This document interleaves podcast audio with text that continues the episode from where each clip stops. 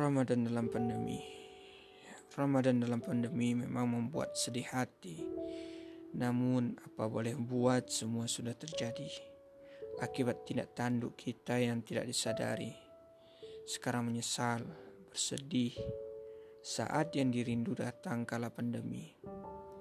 Dahulu kita terus saja tak mensyukuri saat suara panggilan agung melangit di angkasa, namun tak sedikit pun aktivitas terhenti. Saat menghadap Sang Maha Kuasa di atas sajadah, tak sedikit pun di antara kita yang memakai hati.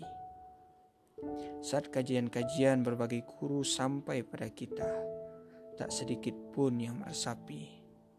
Sekarang apa jadinya? Saat semua sudah Allah ambil, kita malah ingin ikut andil. Iktikaf tak pernah kita lakukan karena berjuta alasan.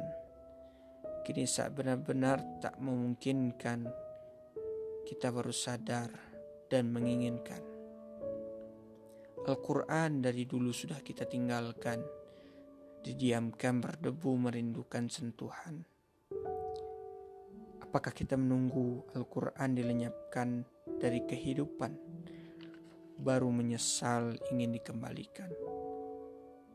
Pandemi memang membuat gaduh dunia ini. Semua aktivitas terhenti, semua terbungkam tak mengerti. Namun, jangan sampai iman dalam dada terus memudar. Tebus semua sesal sebelum semua menjadi hambar.